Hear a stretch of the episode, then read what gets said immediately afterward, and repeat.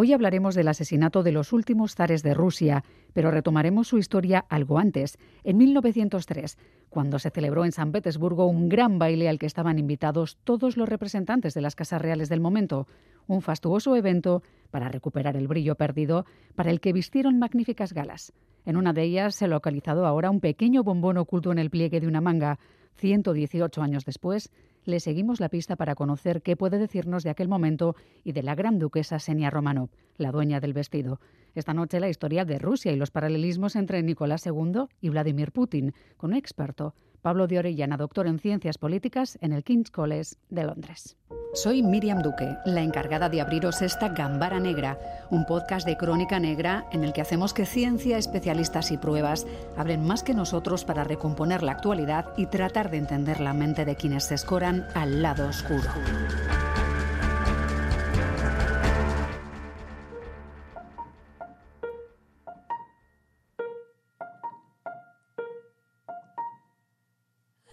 Inside the music box ain't easy.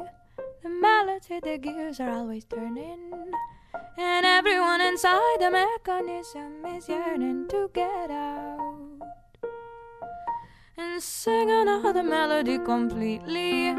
So different from the one they're always singing. I close my eyes and think that I have found me. But then I feel mortality surround me. Os invitamos al Hermitage en San Petersburgo. Allí comienza esta historia que nos va a permitir colarnos en uno de los fastuosos bailes que organizaban los antiguos zares.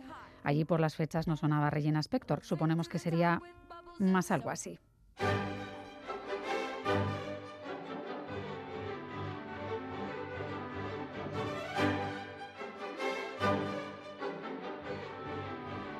Puede que sonara así, pero vamos por partes, porque la historia comienza en el Hermitage, el museo más importante de Rusia, donde guardan también algunos de los trajes que lucía la familia del último zar.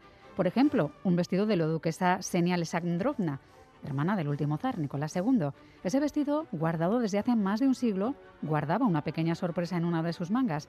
En una revisión, para ver el estado de la prenda, la restauradora encontró un bombón mordido y Mayelen Galparsoro le ha seguido la pista. Bueno, viajemos en el tiempo 118 años, uno de los eventos del año. La duquesa llevaba un impresionante vestido largo con mangas tipo capa, bordado en oro y perlas. Imaginaos algo muy poco sencillo.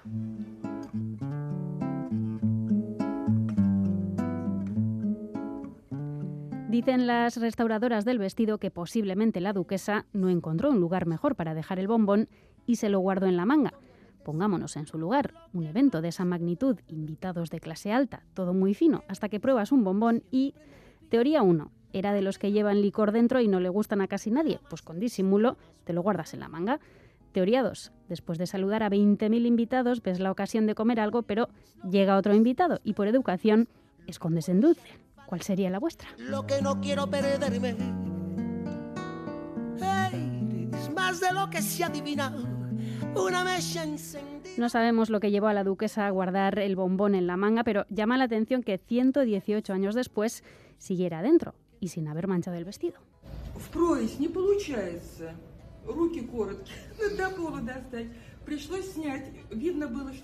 Y así cuenta el hallazgo la restauradora del vestido, algo de color rosa marrón cayó de la manga y llevada por el instinto, explica ella, lo chupó.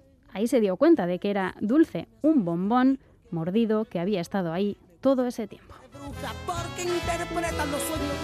Me gustas porque me tientas por llevarme a tu terreno. Me gustas porque te peinas con una raya en el medio. Es que no hablábamos de una fiesta cualquiera, se celebraba el 290 aniversario de los Romanov. Pablo de Orellana es catedrático, doctor en ciencias políticas y experto en diplomacia. Trabaja en el King's College de Londres. Pablo, ¿cómo estás? Kaisho, Miriam, muchas gracias de tenerme en el programa. Estoy muy bien, ¿qué tal? Pues con ganas de charlar contigo y de meternos un poco en este mundo fastuoso, que seguramente era el de aquella fiesta, aquellos fastos. Me gustaría que nos contaras lo primero, si puede ser, Pablo, quién era Senia Alexandrovna, qué, qué puesto ocupaba en la familia de los zares. Senia Alexandrovna Romanov era la hermana de Nicolás II, el último zar de Rusia. Su título era Gran Duquesa de la noble, del Noble Sangre, que era la familia real. Y este, este traje es bastante interesante porque ella tenía, ella y la mujer de Nicolás II y Nicolás II eran el centro de un movimiento dentro de la familia Romanov de llevar las celebraciones de la dinastía Romanov a sus orígenes en el 1600. El traje es particularmente interesante porque a pesar de su fausto con diamantes y tantas perlas, es un traje en realidad del 1600 ruso.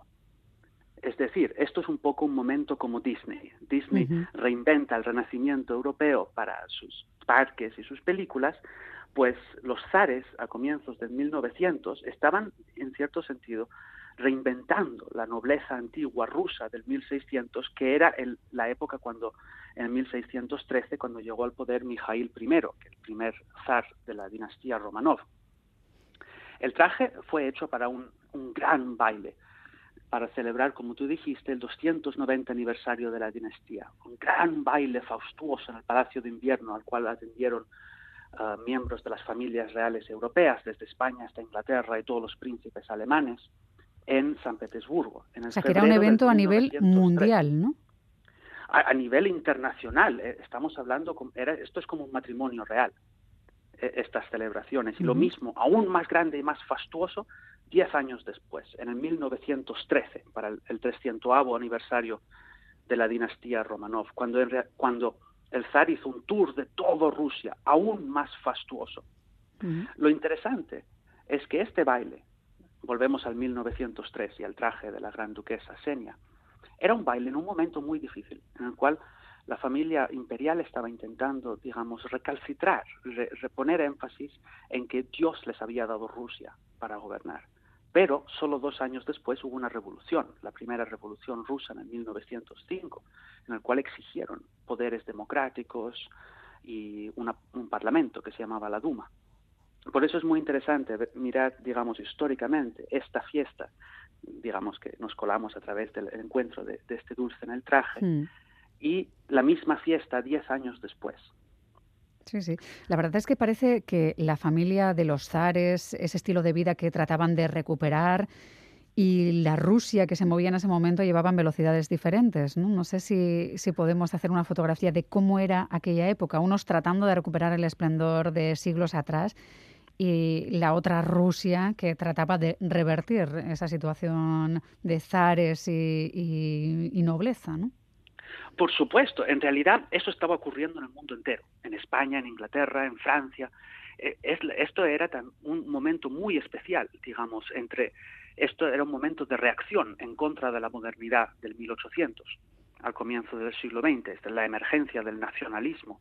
Por ejemplo, es fascinante que este traje, que llevaba la gran duquesa Senia, este tipo de traje había sido prohibido 300 años antes por, por Pedro el Grande de Rusia, como en un esfuerzo de modernizar hmm. y hacer más occidental a la nobleza rusa del 1600.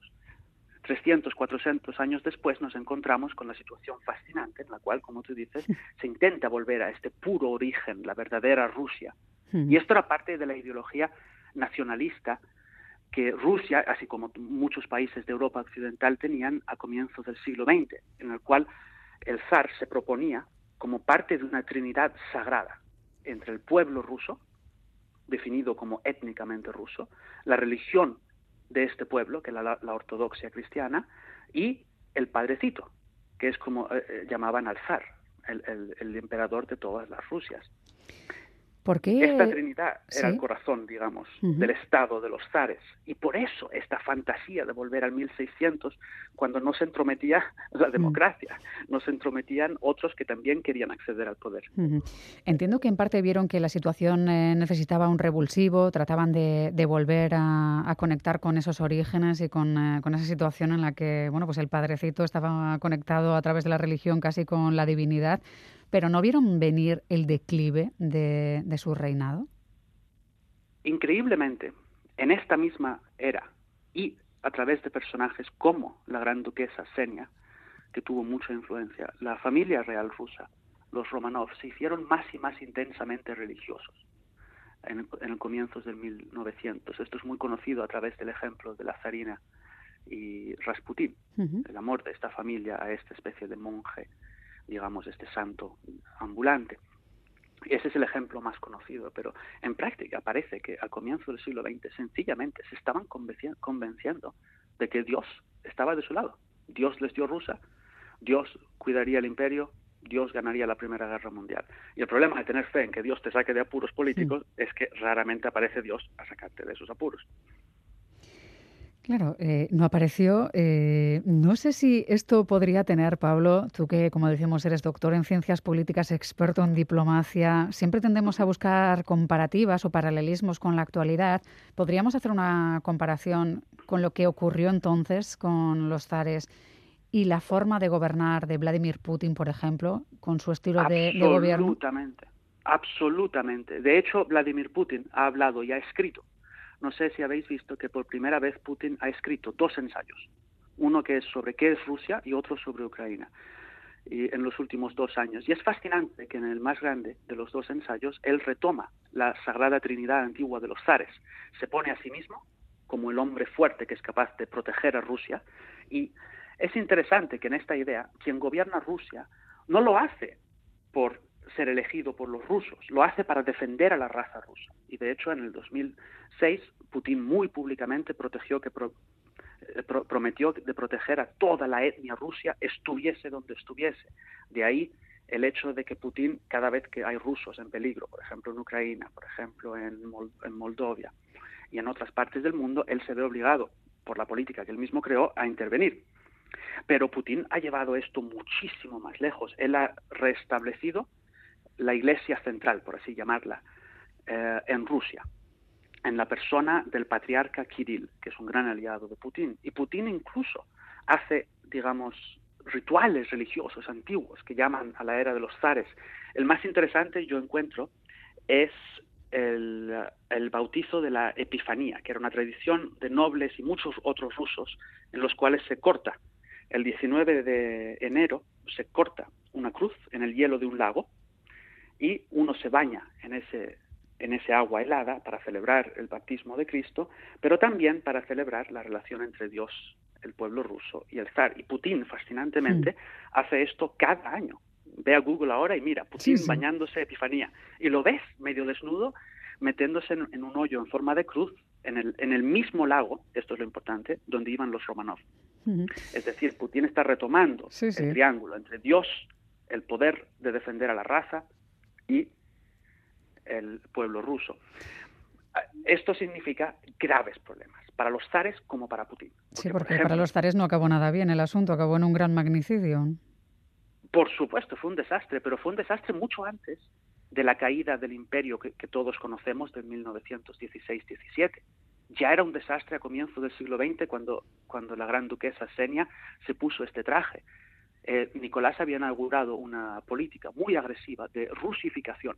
Y el problema es que la mitad del imperio no era ruso, eran finlandeses, centroasiáticos, kazajos, kirguizos, eh, eh, siberianos, de todo. Había hasta tribus de la Edad de Piedra en el medio de Siberia que no hablaban ruso y no eran ortodoxos. Y la idea era de la rusificación era obligarles a todos a hacerse ruso. Hmm. Esto provocó revoluciones nacionalistas en Polonia, en Finlandia, en Ucrania y en otras partes del imperio. Eh, tradicional política uh, etnonacionalista, ¿no? Una raza tiene un idioma. Franco hizo lo mismo en Euskadi, prohibiendo el idioma vasco, ¿no? Por la misma razón que Nicolás II prohibió escribir el finlandés en el Gran Ducado de Finlandia, que pertenecía a Rusia. Y Putin se está encontrando en una situación muy parecida, con una idea muy romántica de la historia. Por eso es fascinante que vuelvan estos personajes, hmm. porque estos mismos personajes han cambiado en su rol histórico. Durante toda la era soviética, el, zar obviamente era considerado un enemigo, ¿no? El mundo antiguo, que ha sido superado y tal, pero no es lo mismo. Ahora, Putin ha rehabilitado a, la familia real de los zares, han construido una catedral encima de donde fueron ejecutados en Yekaterinburg, que se llama la Catedral de la Sangre Derramada, y el zar Nicolás II ha sido hecho un santo. De hecho, recibí muchos mensajes después de mi, participación en un documental sobre los zares en Netflix. Los últimos zares, ¿verdad? Sí, exacto, los últimos zares. Eh, recibí muchos mensajes de conservadores rusos criticándome que yo no le llamo San Nicolás, porque él se ha hecho ahora un santo ortodoxo, volviendo a la idea de que Dios ha establecido Rusia, el pueblo ruso, y quien les proteja. Es verdad que los zares siempre han tenido mucho tirón. Esa historia de Anastasia también, de si pudo o no sobrevivir. No sé si, como de The Crown, eh, los últimos zares eh, que ya mencionabas, que es una docu-serie de, Netflix en la que has participado, pueden hacer que otra vez eh, miremos hacia lo que fueron esas relaciones personales y de poder de, la historia de los zares en, esa gran Rusia. Bueno, en el, en el documental Los últimos zares, eh, yo y el productor Alex Dwyer destruimos la, historia de Anastasia, la acabamos del todo. Estudiamos en bastante detalle cómo la última conocida Anastasia era una impostora. Hmm. Y eso fue descubierto hace ya bastante tiempo. El problema es en gran parte la película de Disney, pero también la potencia de la imaginación que da una familia real de un poder estratosférico. Rusia era al mismo tiempo el país más pobre del mundo y al mismo tiempo la familia, esta era la familia más rica del mundo. Estamos hablando de una riqueza sin comparación, al igual que España antes de la Segunda República, la corona no era solo gobernante del país, poseía el país como si fuese una propiedad privada. Entonces estamos hablando de una, una, riqueza, el Palacio de Invierno donde tomó lugar este baile es algo extraordinario, inmenso, fastuoso, con oro por todas partes. Esta familia, los Romanov, tenían un estilo de vida extraordinario cuando gran parte de la población rusa seguía en el medioevo. La verdad es que ha sido un viaje apasionante charlar contigo, Pablo de Orellana. Muchísimas gracias por acompañarnos y por ilustrarnos sobre cómo fue esa época en la que, bueno, pues vestidos como el de Senia Alexandrovna eran protagonistas en fiestas en las que el lujo hoy nos deslumbraría y sobre todo lo que supuso que prácticamente todo el que era alguien en el mundo en, en aquella fecha, en, en 1903, estuviese allí junto a ella. No sé si seguiremos eh, descubriendo novedades, pero si vuelve a aparecer algún bombón o cualquier otra traza que nos lleve hacia los Romanov, te llamaremos. Pablo, un abrazo, muchísimas gracias. Es que ricasco, Miriam. muchas gracias. Y agur. agur, Pablo. Agur, agur.